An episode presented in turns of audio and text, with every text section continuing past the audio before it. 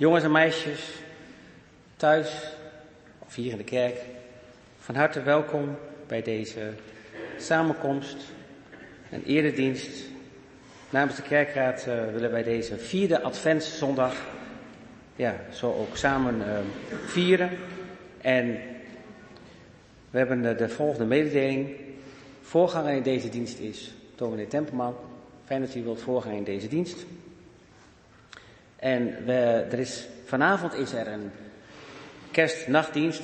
Er zullen meer zijn, maar er is een kerstnachtdienst in de Kandelakerk. Die begint om 9 uur s'avonds. Vanmiddag is er dus niet een gezamenlijke dienst.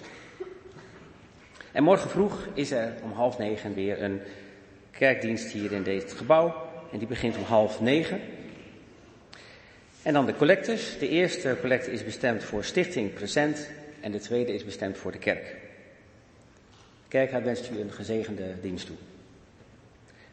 En dan wil ik Alida wil ik, uh, vragen of je naar voren wil komen om de kaars aan te steken.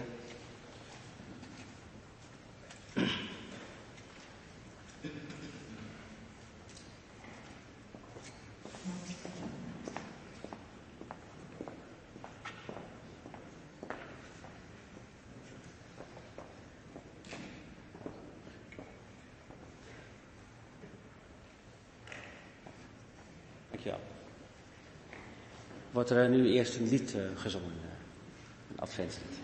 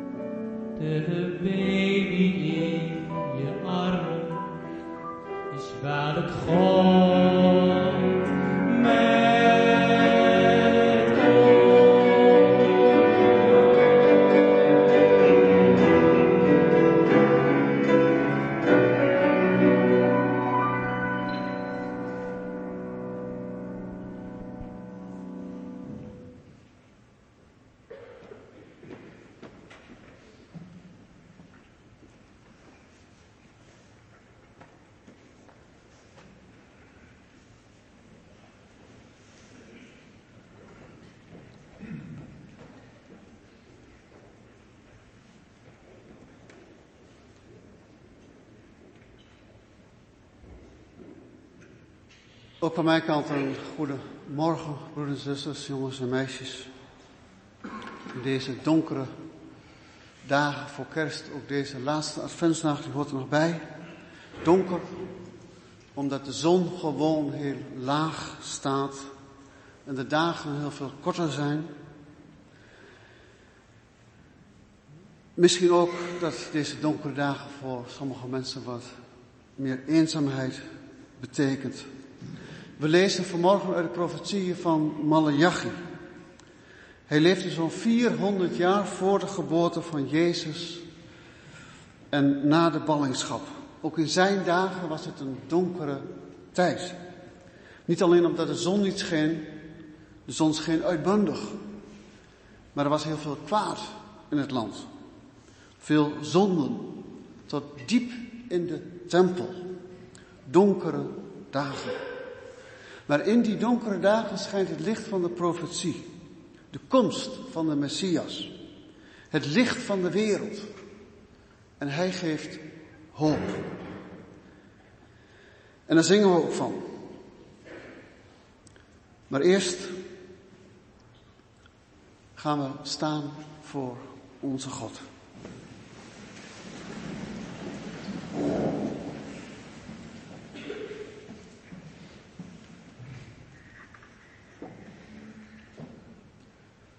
Onze hulp is de naam van de Heer die hemel en aarde gemaakt heeft. Genade voor u en vrede van Hem die is en die was en die komt. En van de zeven geesten voor zijn troon. En van Jezus Christus, de betrouwbare getuige de eerstgeborene van de doden en de heerser over alle vorsten van de aarde. Amen. We gaan zingen Psalm 89, vers 1.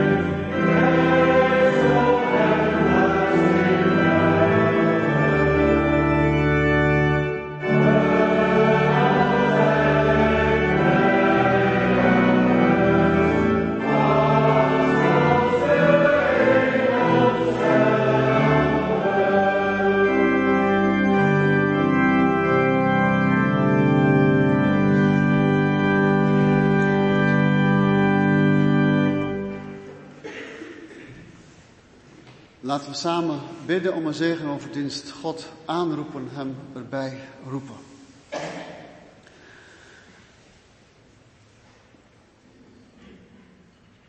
Onze Vader in de hemel,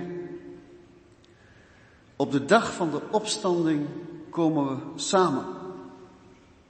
Hier in de kerk of digitaal thuis in de huiskamer.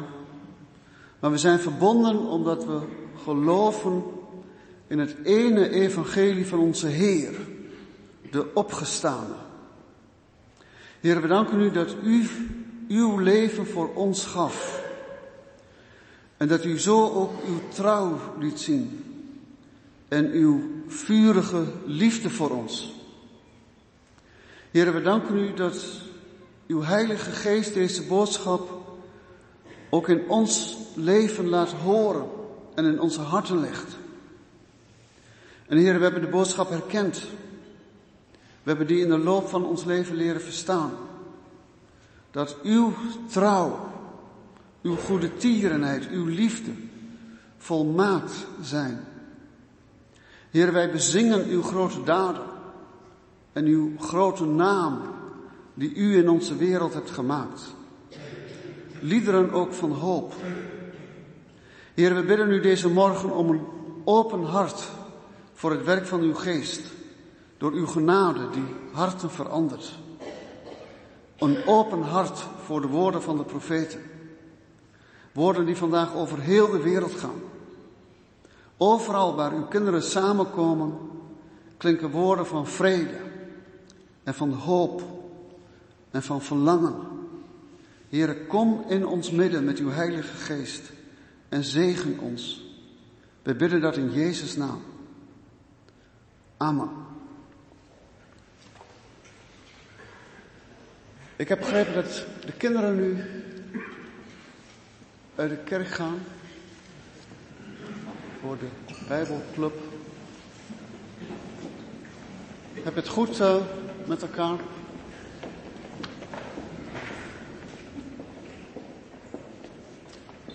En wij gaan zingen.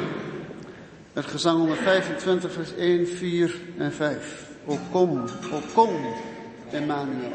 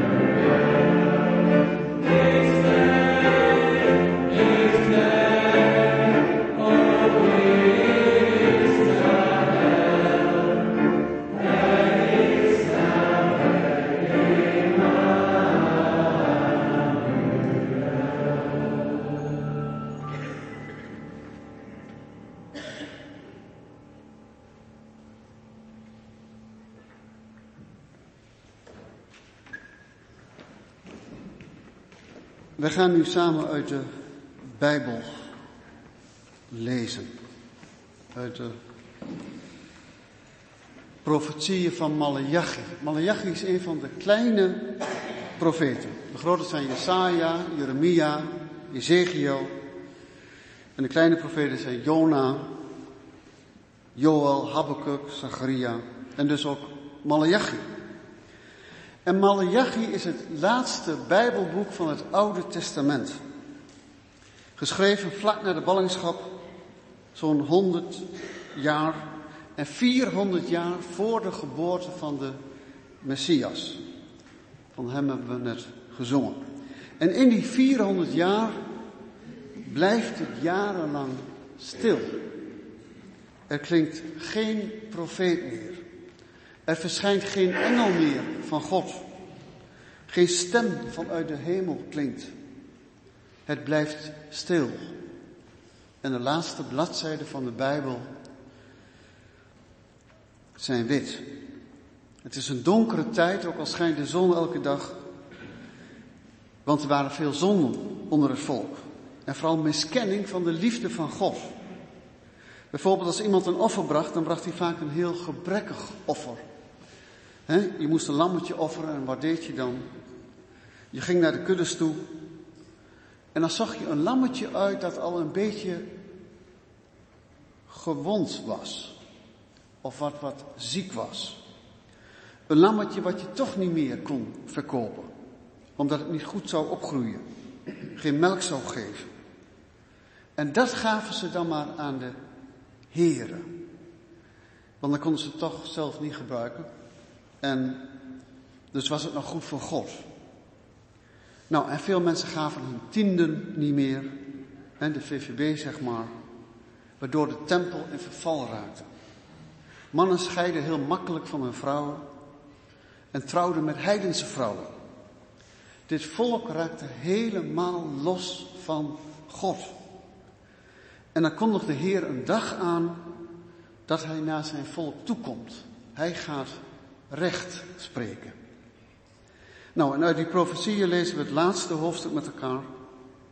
En daarna zingen we over die duisternis, die diepte met psalm, de woorden van psalm 130, de nieuwe psalmrijming vers 1 en 2. En Alfred zal de schriftlezing verzorgen. Malachi 2 vers 17 tot 3 vers 24.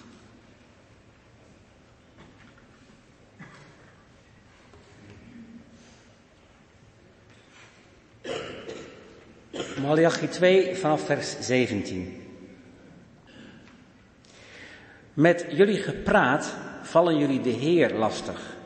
En dan vragen jullie, hoezo vallen wij hem lastig? Door te zeggen, iedereen die kwaad doet, is goed in de ogen van de Heer. Zulke mensen bevallen hem. Of, waar is nu de God die recht spreekt? Let op. Ik zal mijn bode zenden, die voor mij de weg zal effenen. Opeens zal hij naar zijn tempel komen. De Heer, naar wie jullie uitzien, de engel van het verbond, naar wie jullie verlangen. Hij zal komen, zegt de Heer van de hemelse machten. En wie zal die dag kunnen doorstaan? Wie zal overeind blijven wanneer hij verschijnt? Hij is als het vuur van een edelsmid, als het loog van een wolwasser. Hij zal zitting houden als iemand die zilver smelt en zuivert. En de zonen van Levi zal hij zuiveren en zeven als goud en zilver. En dan zullen ze op de juiste wijze offergaven gaan brengen aan de Heer. De offers van Juda en Jeruzalem zullen de Heer met vreugde vervullen, zoals in vroeger jaren, zoals in de dagen van wel eer. Ik zal naar jullie toekomen om recht te spreken. En ik zal niet aarzelen te getuigen tegen tovenaars en echtbrekers. Tegen mensen die mijn eed plegen. En mensen die hun dagloners uitbuiten. En tegen allen die weduwen en wezen onderdrukken. En vreemdelingen geen plaats gunnen.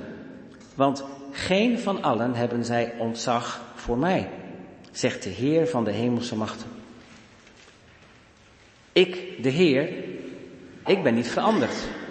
En jullie gedragen je nog altijd als nakomelingen van Jacob. Jullie voorouders hielden zich, die hielden zich al niet aan mijn geboden. En ook jullie doen dat niet.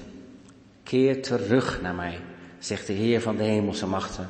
Dan zal ik naar jullie terugkeren. En jullie zeggen, hoezo moeten we terugkeren? Vinden jullie dat een mens God mag bestelen? Maar toch bestelen jullie mij. En jullie zeggen dan, hoezo bestelen we u? Door de tienden en andere heffingen achter te houden. Jullie zijn vervloekt. En nogmaals, vervloekt. En toch blijft het hele volk mij bestelen. Stel mij maar eens op de proef, zegt de Heer van de hemelse machten. Breng alle tienden naar mijn voorraadkamer, zodat er voedsel in mijn tempel is. En zie dan of ik niet de sluizen van de hemel voor jullie open en zegen in overvloed op je land laat neerdalen.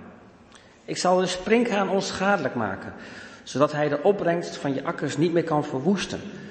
En de druiventros zal niet meer verdorren in je wijngaarden, zegt de Heer van de hemelse machten. Alle volken zullen jullie gelukkig prijzen, want jullie zullen wonen in een heerlijk land, zegt de Heer van de hemelse machten. Jullie hebben tegen elkaar harde woorden over mij gesproken, zegt de Heer. En jullie vragen, maar wat hebben we dan over u gezegd? Nou, jullie hebben gezegd, wat heeft het voor nut om God te dienen? Wat hebben we eraan dat we zijn voorschriften in acht nemen en ons in een boetekleed hullen voor de Heer van de hemelse machten?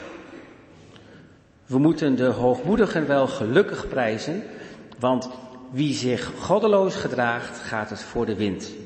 En wie God beproeft, komt er goed vanaf. Zo spraken de mensen die ontzag voor de Heer hadden tegen elkaar. En de Heer hoorde het. En hij luisterde met aandacht.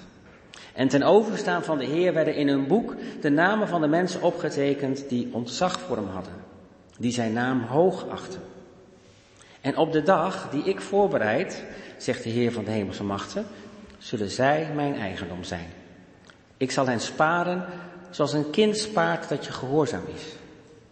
Dan zullen jullie het verschil weer zien tussen rechtvaardigen en wettelozen.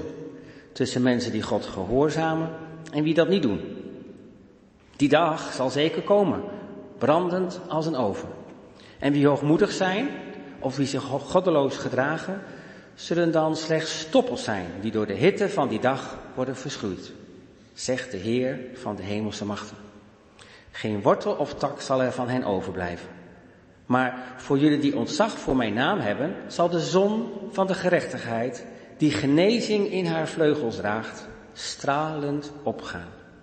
Huppelend als kalveren die op stal hebben gestaan, zullen jullie naar buiten komen. En dan vertrappen jullie de wettelozen. Op de dag die ik voorbereid, zullen zij niet meer zijn dan stof onder jullie voeten zegt de Heer van de hemelse machten. Houd je aan het onderricht van Mozes, mijn dienaar, aan wie ik op de hoor heb wetten en geboden heb gegeven die gelden voor heel Israël. Voordat de dag van de Heer aanbreekt, die groot is en ontzagwekkend, stuur ik jullie de profeet Elia. En hij zal ervoor zorgen dat ouders zich verzoenen met hun kinderen en kinderen zich verzoenen met hun ouders. Anders zou ik het land volledig moeten vernietigen.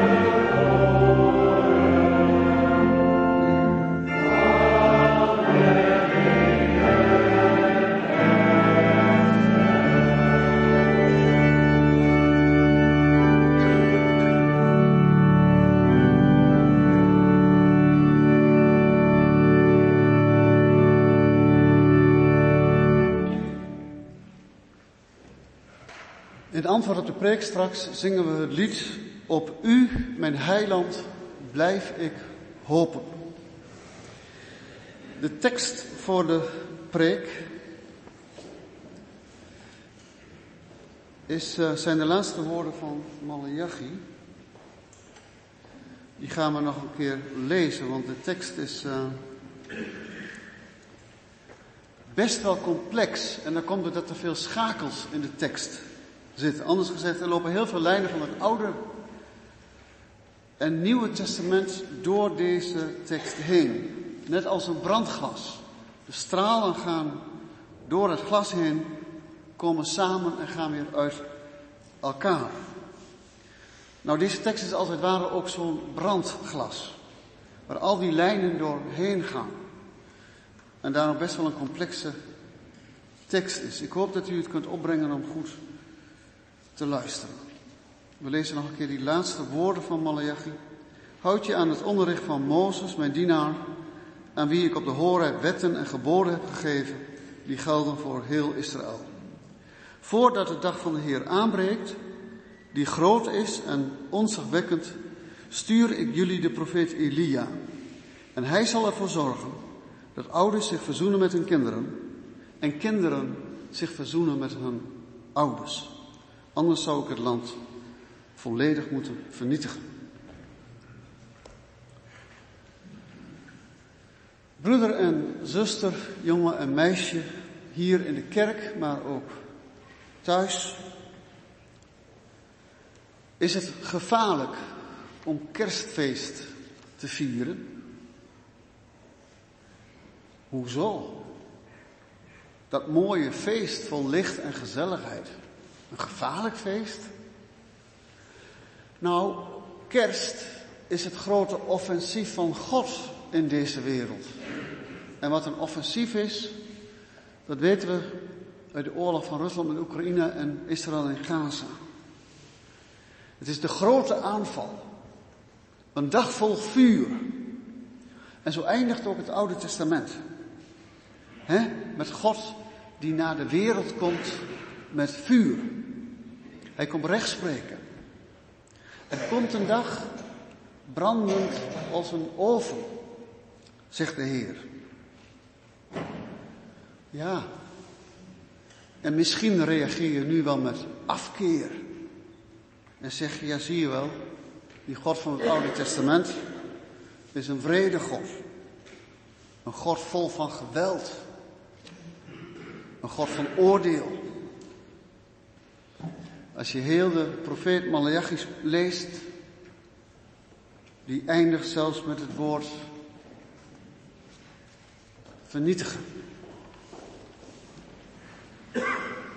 Ik zal even wachten, er wordt iemand onwel.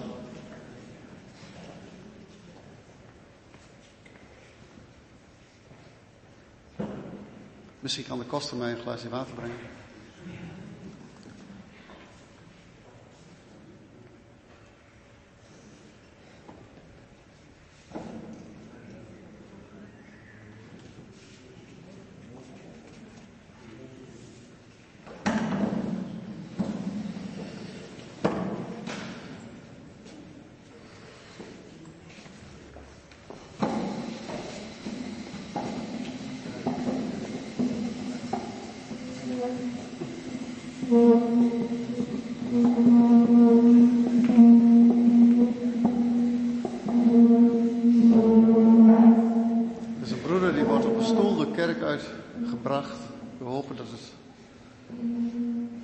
Is, dat hij mag opknappen.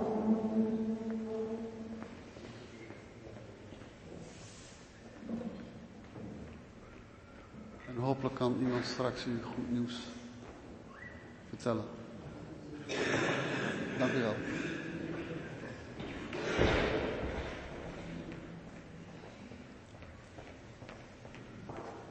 Werd over de profeet Malachi, die laatste woorden van het Oude Testament, die zijn best wel heftig. kijk maar naar wat de laatste zin van het boek is. Anders zou ik het land volledig moeten vernietigen. Nou, met zo'n God zou je kunnen zeggen, wil ik niks te maken hebben. Ja, maar wacht even. Lees nog eens. Waarmee begint hij zijn brief? Hij begint met deze woorden.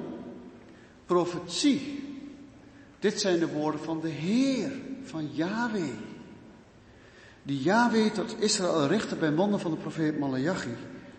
Ik heb jullie lief, zegt de Heer. Ik heb jullie lief. Daar begint het mee. Met een liefdesverklaring van God. Ik heb jullie lief. En alles wat erna komt, tekent de diepte van de liefde. Alle klachten van God die komen en gaan. Alle boosheid van God. Alle woorden over oordeel en vuur. Ook van zijn beloften. Het zijn allemaal uitingen van Gods liefde. Want hij is geen willekeurige tiran die vol vurige trots om zich heen slaat. Nee, we leren hem kennen als de bruidegom. Die verlangt naar de liefde van de bruid. Die liefde is door zijn volk namelijk heel ernstig gekwetst.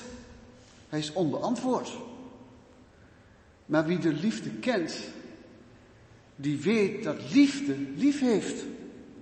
Maar dat die liefde ook heel graag het antwoord van de liefde ontvangt. Als vrouw blijf je verlangen naar de woorden van je man. Dat hij een keer zegt, ik zie je zo graag. Ik hou van je. Ik ben graag bij je. Of anders een gebaar, een glimlach. Liefde zoekt naar de liefde van de ander. Dat je alles voor hem bent. En dat is hier in Malachi aan de hand. De Heer heeft zijn volk lief. Hij heeft daar jarenlang alles voor gedaan. Vol van geduld. En nu zoekt de Heer ook het verlangen van zijn volk. De liefde voor Hem. Maar wat gebeurde er in de loop van de eeuwen? De liefde doofde. De mensen gingen voor zichzelf leven. En voor hun eigen goden. Hun eigen verlangens, hun eigen geluk. En dat is de grote klacht van God in het boek Malachi. Ik heb jullie lief en ik verlang naar jullie liefde voor mij. Nou, anders gezegd, God wil zijn volk juist niet vernietigen. Hij wil het juist graag leven geven. En daarom schakelt hij ook steeds weer profeten in. Hij stuurde zelf zijn eigen zoon als de laatste profeet. Hij zegt letterlijk, ik wil niet dat de zondaar sterft. Ik wil dat hij leeft. Ja, en dat is de grote boodschap van de Bijbel. God heeft ons geschapen om te leven. Te leven met Hem. En kerst is daarom het grote offensief vanuit de hemel om het leven te behouden, terug te geven, veilig te stellen. Niet om met vuur te vernietigen. Het is zijn liefdesoffensief. Het is zijn laatste woord aan de wereld. Duidelijker kan hij niet zeggen. Ik heb jullie zo lief dat ik mijn eigen zoon overgeef om jullie het leven te geven. En als je het nu nog niet begrepen hebt, nu hij zelfs zijn zoon gegeven heeft, nou zul je het dan ooit wel begrijpen. Kerst is daarom een gevaarlijk feest, zou je kunnen zeggen. Het is Gods grote liefdesoffensief in deze wereld.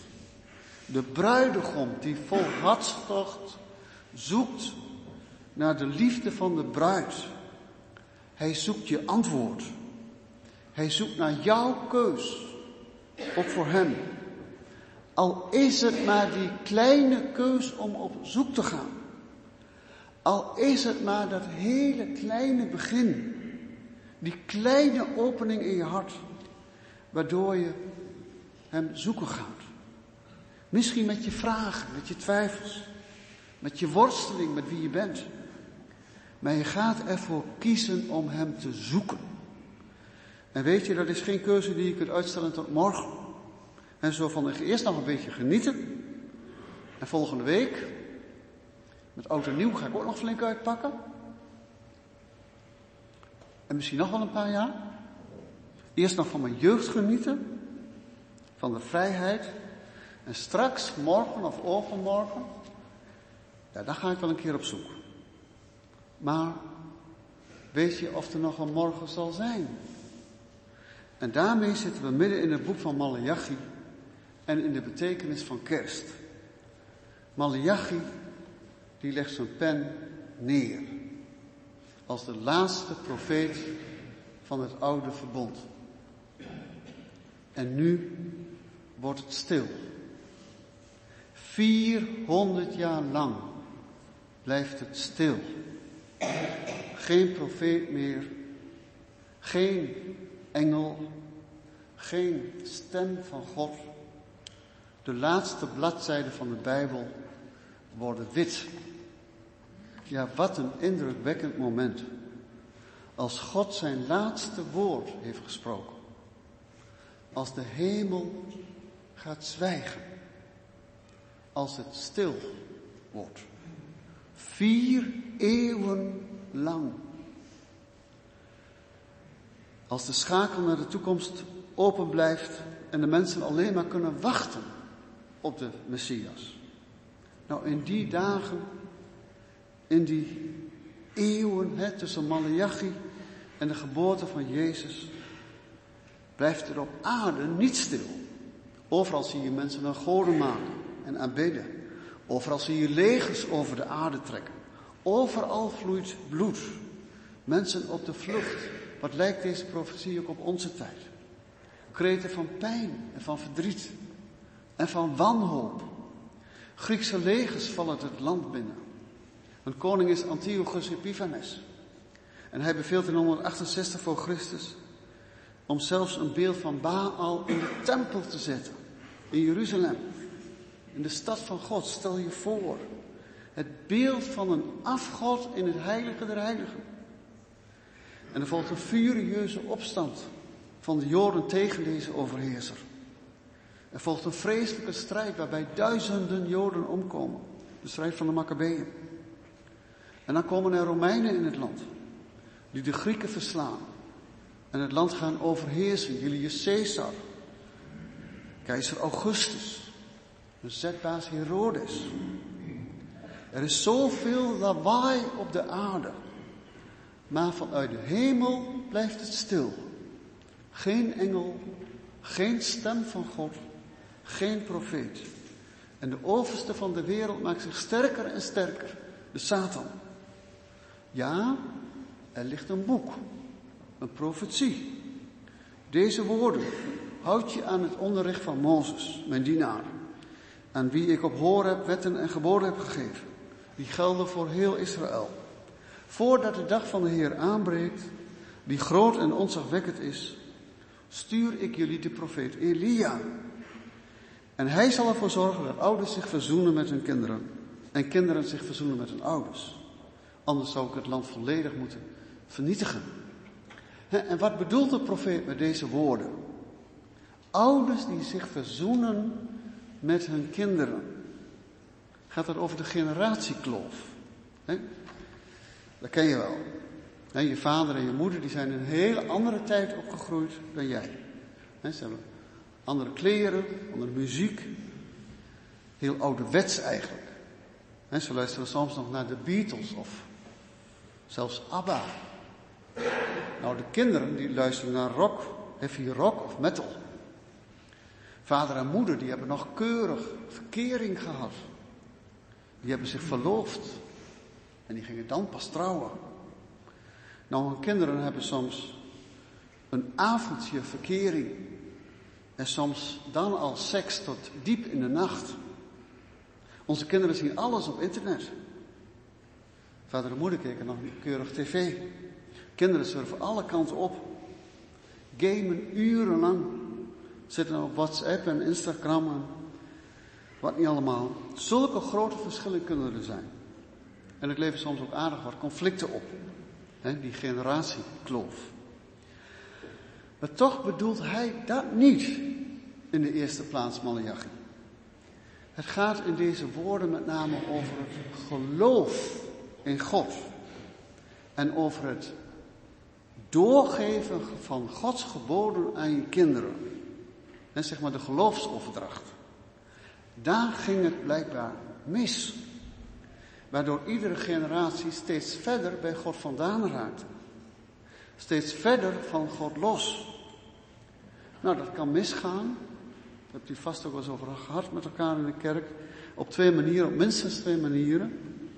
De eerste is dat je als ouders zelf niet met God leeft. En dat je zelf niet meer in God gelooft. Of misschien wel gelooft in God. Maar dat je verder je eigen gang gaat. Je leidt je eigen leven. Je gelooft eigenlijk nog wel, maar je praat er nooit over met je kinderen. En je gaat niet of weinig naar de kerk. Je bidt ook nooit met je kinderen of voor je kinderen. En zo missen kinderen de schakel met God.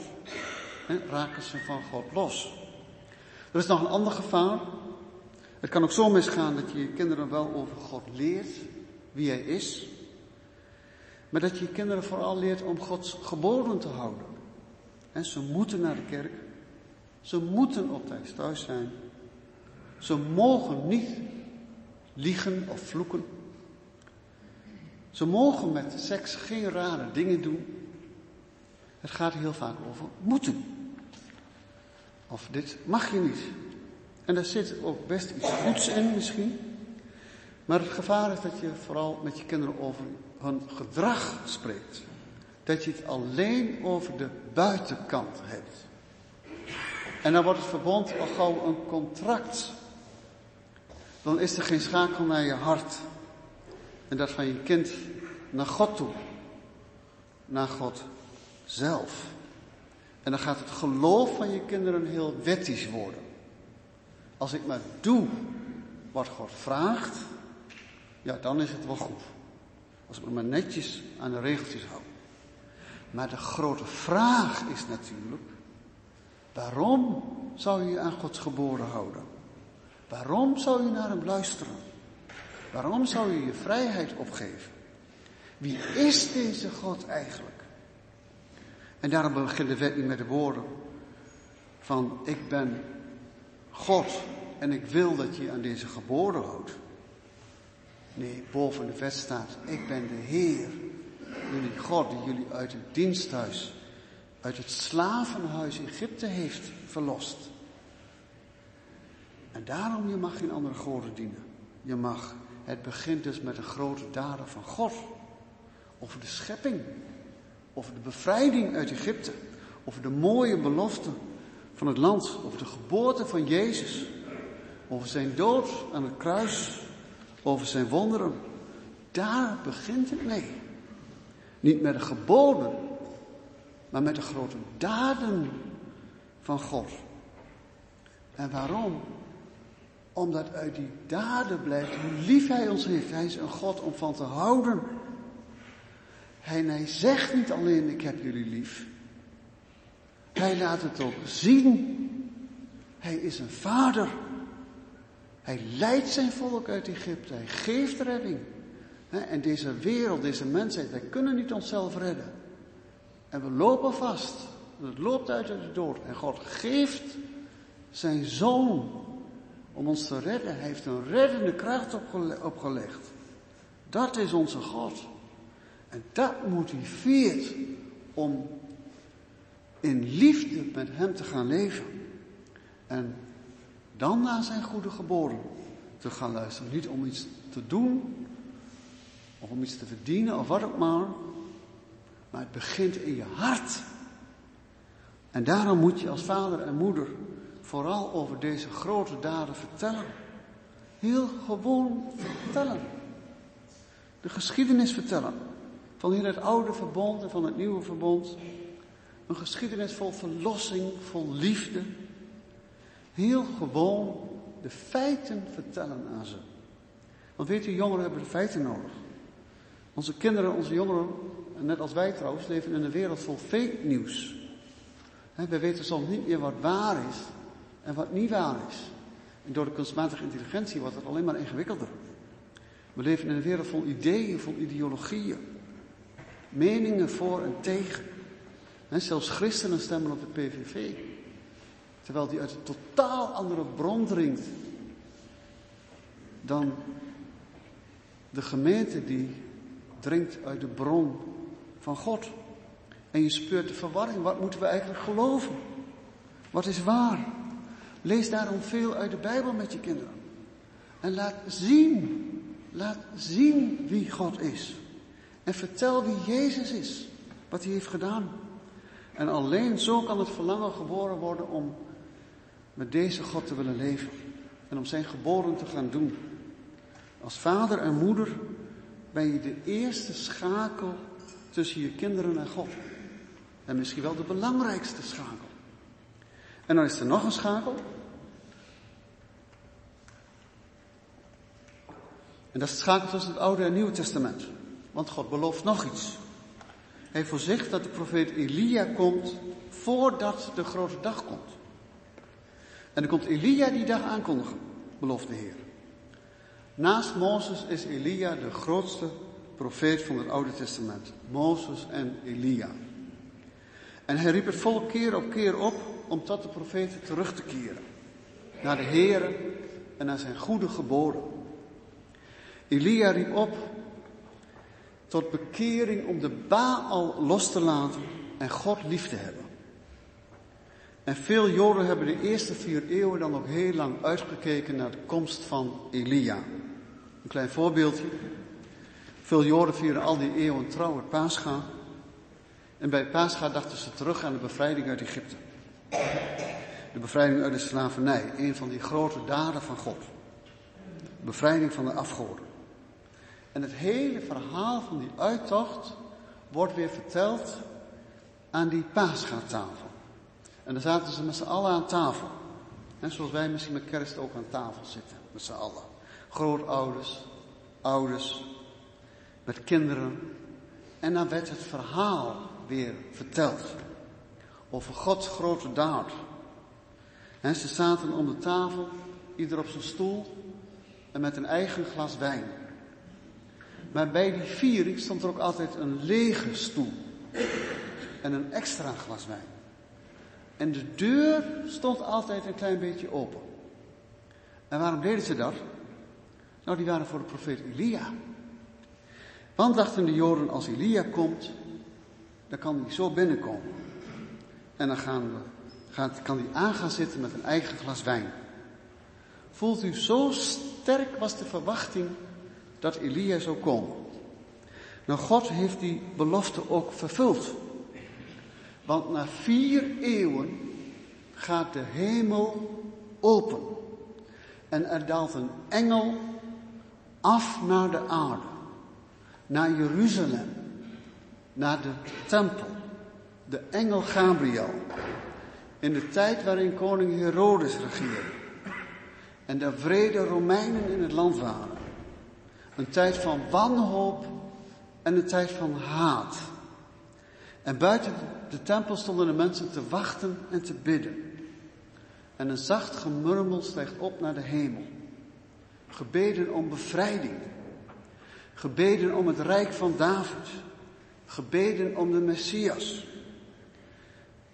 In de tempel is het stil. En een eenzame priester die schuifelt naar voren tussen de gouden kandelaar en de tafel van de toonbroden naar het reukofferaltaar.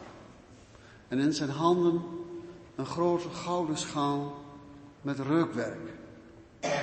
En straks mag hij het volk de zegen geven bij het avondoffer. En hij legt het reukwerk op het altaar en al snel kringelt een dun sliertje rook naar de hemel. Zo kwetsbaar als een gebed. En dan opeens verschijnt er een engel. Een engel van God naast het reukofferaltaar. En Zacharias die schrikt hevig als hij die engel ziet. En hij kijkt vol angst naar deze machtige verschijning. En dan zijn de eerste woorden van die engel, wees niet bang. Zacharias, je gebed is verhoord. Je vrouw Elisabeth zal een zoon krijgen en je moet hem Johannes noemen. En Johannes betekent, de Heer is genadig. En deze Johannes wordt de profeet die de dag van de Heer gaat aankondigen. Die dag is dus blijkbaar heel dichtbij gekomen. Maar wat is dat voor een dag? Wordt het een dag vol onheil, vol dreiging en oordeel? Wordt Johannes een onheilsprofeet? Gaat het over vernietiging? Nee, de engel zegt tegen Zacharias en de kinderen die werken daarover, hier buiten de kerkzaal. Vreugde en heil zullen je ten deel vallen. En velen zullen zich over zijn geboorte verheugen. God zegt, ik, Zacharias zegt in zijn lied, God heeft een reddende kracht opgewekt. En hij, die reddende kracht, Jezus Christus, zal groot zijn in de ogen van de Heer. En wijn of bier zal hij niet drinken. Hij zal vervuld worden van de Heilige Geest. Terwijl hij nog in de schoot van zijn moeder is. En hij zal velen uit het volk Israël naar de Heere God terugbrengen. Hij zal uitgaan in de geest en kracht van Elia om de kinderen met de ouders te verzoenen en de zondaars te rechtvaardigen. En zo zal hij voor de Heer een volk gereed maken. En u ziet het. De engel pakt die laatste woorden van Malachi weer op. En hij zegt tegen Zacharias, Zacharias, deze woorden gaan nu in vervulling. Johannes de Doper is de schakel tussen het Oude en Nieuwe Testament. Hij gaat de weg van de Messias, de reddende kracht die God heeft opgewekt, hij gaat die weg voorbereiden. En de grote dag breekt aan. En wat is dat voor een dag? Een dag brandend als een oven, een dag van oordeel, van vernietiging.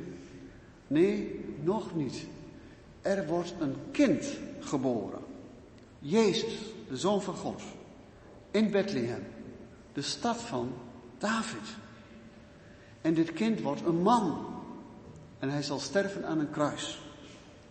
En hij gaat het oordeel dragen over onze zonde. Kijk wat hier gebeurt, broeders en zusters.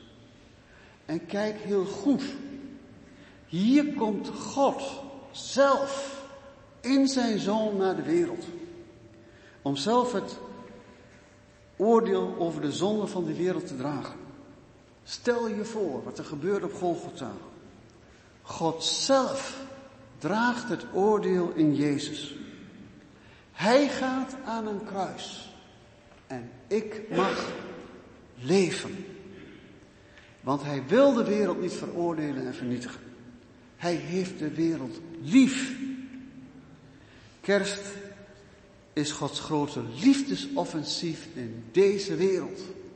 Met zijn klimaatproblemen, met zijn oorlogen, met al zijn nare dingen, met mensen die onwel worden, oud en ziek, die sterven. Kerstfeest is een gevaarlijk feest. Want het betekent ook dat je moet gaan kiezen. En Johannes zegt straks, ik kan u alleen met water dopen. Maar straks komt hij die jullie kan dopen met de Heilige Geest en met vuur. Gods vurige liefde komt jouw leven binnen. Jouw hart. En nu is zijn vraag aan jou. En wat doe je daar nou mee? Wil je van deze God losleven? Of zoek je zijn bescherming? Leef je liever in het donker van de zonde en van het kwaad? Of leef je liever in het licht van Gods liefde? Door Jezus zegt God tegen jou en u, ik heb je lief. En wat zeg jij? Wat zegt u? Amen.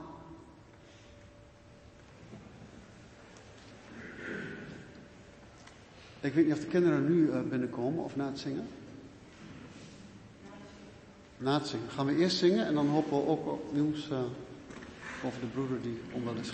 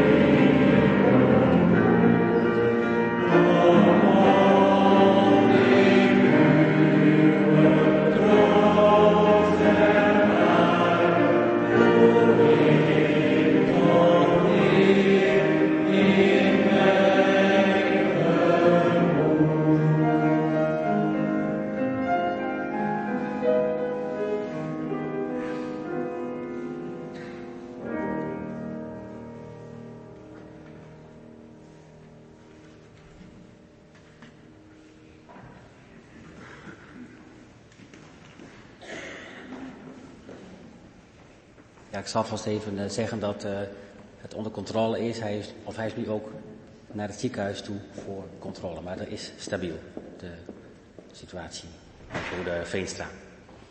Ja? Broeder Veenstra, Krijn, Krijn Veenstra. We zullen straks in gebed uh, hem ook aan de Heer opdragen. Ik zie nog geen kinderen. En ik hoor ze niet.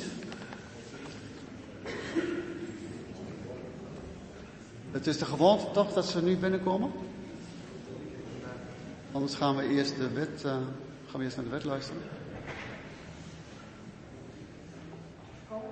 Ze komen eraan, gelukkig.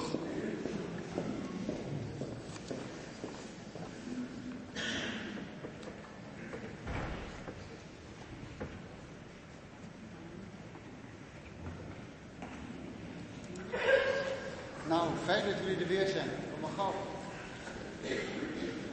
Wat is een kerk zonder kinderen?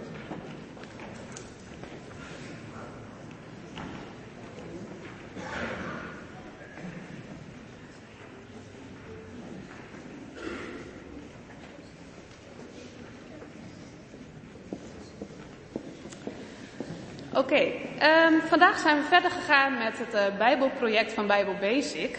En uh, we gingen het verhaal horen over Zacharias en Elisabeth en over de geboorte van Johannes. God geeft daar ook een nieuw begin. Um, Johannes kreeg de naam um, als betekenis God is goed voor ons. Um, zelf hebben we ook onze naam gemaakt. We zijn begonnen met tape op het papier te plakken. Toen was onze naam nog niet helemaal zichtbaar. We kleurden de achtergrond in met felle kleuren. Daarna mochten we tape er weer afhalen en werd onze naam zichtbaar. Net zoals de naam Johannes zichtbaar werd op het schrijfblok van Zacharias. En daardoor kon hij natuurlijk weer praten, hebben we geleerd. Dus dat was onze kinderkring.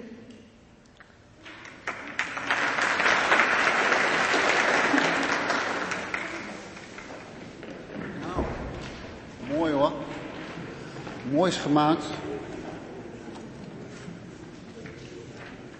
Ook wij hebben nog even aandacht gehad voor Zacharias hier in de kerk. Wij gaan nu luisteren naar een verkorte versie van de wet van de Heer. En in aansluiting daarop lees ik een stukje uit de grote profeet Jeremia, hoofdstuk 31. Vers 31 tot 35. En we zingen daarna samen Psalm 78, vers 1 en 2.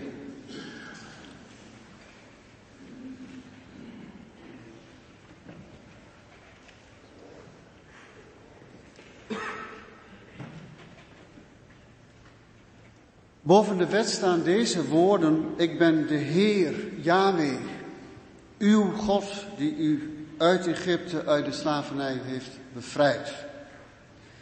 Vereer naast mij geen andere goden. Heb niemand lief dan alleen mij. Maak ook geen godenbeelden om daarvoor te dienen. Misbruik de naam van uw God niet. Hou de Sabbat, de rustdag in ere. Het is een heilige dag. Toon eerbied voor je vader en voor je moeder. Pleeg geen moord, pleeg geen overspel en steel niet. Leg over een ander geen vals getuigenis af en begeer niet wat God aan je naaste heeft gegeven. En dan lezen we bij Jeremia deze woorden. De dag zal komen, spreekt de Heer, dat ik met het volk van Israël en het volk van Juda een nieuw verbond sluit. Een ander verbond dan ik met hun voorouders sloot toen ik hen bij de hand nam om hen uit Egypte weg te leiden. Zij hebben dat verbond verbroken hoewel ze mij toebehoorden, spreekt de Heer. Maar dit is het verbond dat ik in de toekomst met Israël zal sluiten, spreekt de Heer. Ik zal mijn wet in hun binnenste leggen en hem in hun hart schrijven. Dan zal ik hun God zijn en zij mijn volk. Men zal elkaar niet meer hoeven te onderwijzen met de woorden, leer de Heer kennen, want iedereen van groot tot klein, kent mij dan al, spreekt de Heer. Ik zal hun zonden vergeven en nooit meer denken aan wat ze hebben misdaan. Tot zover.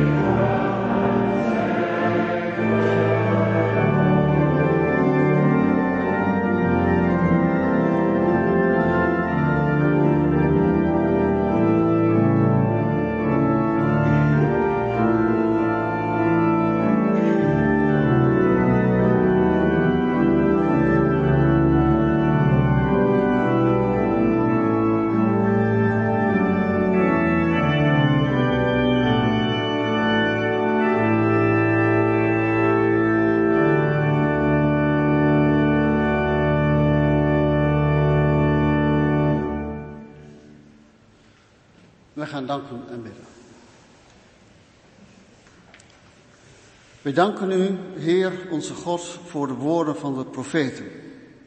Vervuld van uw geest spraken zij het volk toe. Elia, Jezaja, Malachi, Johannes de Doper. En hun stem klinkt door de eeuwen heen ook in onze harten. Ze spreken ons aan. Die woorden onthullen keer op keer uw grote trouw en liefde. Roepen terug, ook tot bekering, tot geloof. Heer, het waren vandaag ook woorden die binnenkomen. De woorden van Malachi. Vooral omdat ze iets laten zien van uw gekwetste liefde. Van uw diepe verlangen naar de liefde van uw bruid. Van uw verlangen om eeuwig met ons te leven op een nieuwe aarde. Bevrijd van kwaad en dood. En van de afgoden die wij bedachten. En die zo vaak over ons leven heersen. Heer, leer ons uw verlangen steeds meer te verstaan. En wilt u geven dat het ons verlangen ook steeds meer is om ons leven te richten op u en op uw heilige wil. En we bidden u, Heer, ook voor onze kinderen. En helpt u ons als ouders om goed voor onze kinderen te zorgen. Hen bescherming te geven. En veel liefde. En wilt u ook de wijsheid geven om het evangelie goed aan ze door te geven, Heer. Bewaar ons voor gemakzucht daarin. Geef dat vaders en moeders in brand staan voor u en voor het koninkrijk dat komt. Dat zij zelf ook de belofte koesteren. Onze kinderen helpen om te bidden. En Heer, help ons als we als ouders vaak twijfelen. Als we zelf worstelen met het leven. Help ons om U te zoeken en elkaar te steunen. Zegen ook alle diensten die gehouden worden hier. En zegen alle bijbelstudie, de onderlinge omgang. Zegen wie met er voor de jeugd werken. Zegen de kerk die voor de kleine kinderen zorgt. Zegen de catechisaties. En geef onze kinderen en onze jongeren in deze complexe wereld dat ze de eenvoud van uw evangelie mogen ontdekken en mogen vasthouden. We bidden u voor jongeren die het geloof hebben losgelaten of dat dreigen te doen. Hier ook hen willen we aan u opdragen. Als ze te midden van vragen of grote problemen of verleidingen leven. Heer, wat is de overste van deze wereld vaak sterk en listig. Heer, ook hen dragen we aan u op. Dat u hen nabij zijn en vasthouden. Zegen de voorgangers in de kerk. Sterk de kerkeraad bij zijn werk in deze tijd in deze gemeente.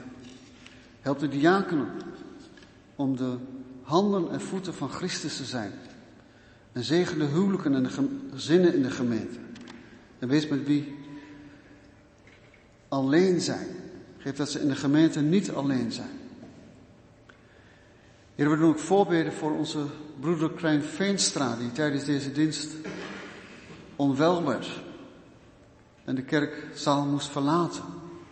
Heer, we danken u dat we mochten horen dat het stabiel is en dat hij in het ziekenhuis is. Heer, wilt u geven dat het weer helemaal goed mag komen met hem en dat hij geen schade hiervan ondervindt. En wees met allen die om hem heen staan, zijn geliefden. Heer, omringen met uw trouw en met uw liefde. Wees erbij. Heer, we bidden u voor onze wereld, waarin de boodschap van kerst steeds meer dreigt te verdwijnen achter vage mythes van kerstmannen en het geglitter van nietzeggende kerstshows. Alweer krijgt de Satan het voor elkaar om uw mooie geschenk aan de wereld over de echte blijdschap te laten vervagen en verdoffen. Heer, wilt u ons helpen om als uw kinderen ook profeten te zijn? Uw profeten. En anderen te helpen inzien wie u bent. Woorden die waarheid spreken en echt hoop geven. Heer, we bidden u voor de vluchtelingen. Voor hen die lijden onder geweld en onderdrukking, onder armoede. En we vragen u, ontferm u zich over wie leven in donkerheid en kou in Oekraïne. Waar zoveel rouw en verdriet is. En in Gaza. En wees ook met het Russische volk. En met de Israëli's. Heren, ontfermt u zich ook over de volken. En we danken u dat Jezus ook de heiland voor de wereld, voor de volken is. Hij is de vrede die u gebracht hebt. Heer, we hoeven het alleen maar aan te pakken. Heer, zegen ook onze overheid. Geef dat ze het goede voor ons land zoekt. Een land dat omziet naar hen die kwetsbaar zijn. Een land dat ook mensen steunt die hun eigen land moesten verlaten en alles moesten achterlaten. En zegen christelijke politici in hun werk om iets van Christus regering en koningschap te laten zien. Geef dat ons land een land mag zijn waarin het licht van uw evangelie schijnt. En zo ook een zegen mag zijn voor de landen om ons heen. Wees ook met uw schepping. Ook in deze tijd, nu er zo veel regen valt. Heer, zorg voor haar, bewaar haar. Heer, we leggen onze gebeden bij u neer, aan uw voeten, dicht bij uw hart. Verhoor ons gebed. We vragen u dat in Jezus' naam. Amen. U krijgt nu gelegenheid om de Heer uw gave te geven. En we zingen daarna de liederen die het koor ook heeft voorbereid. Stille nacht, heilige nacht en wijs mij de weg naar Bethlehem.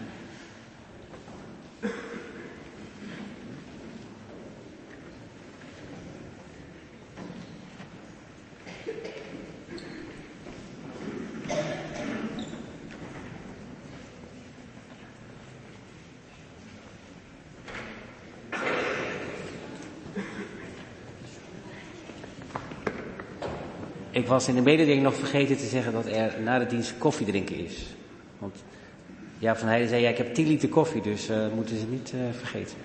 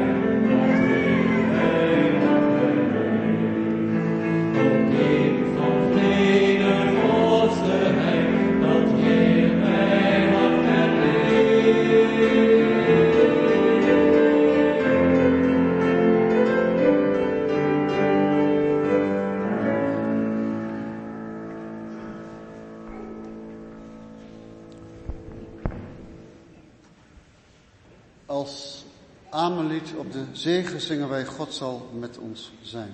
God is Emmanuel. Ontvang die zegen in geloof en ga in vrede naar uw huis. De genade van de Heer Jezus Christus en de liefde van God en de verbondenheid met de Heilige Geest zijn met u allemaal.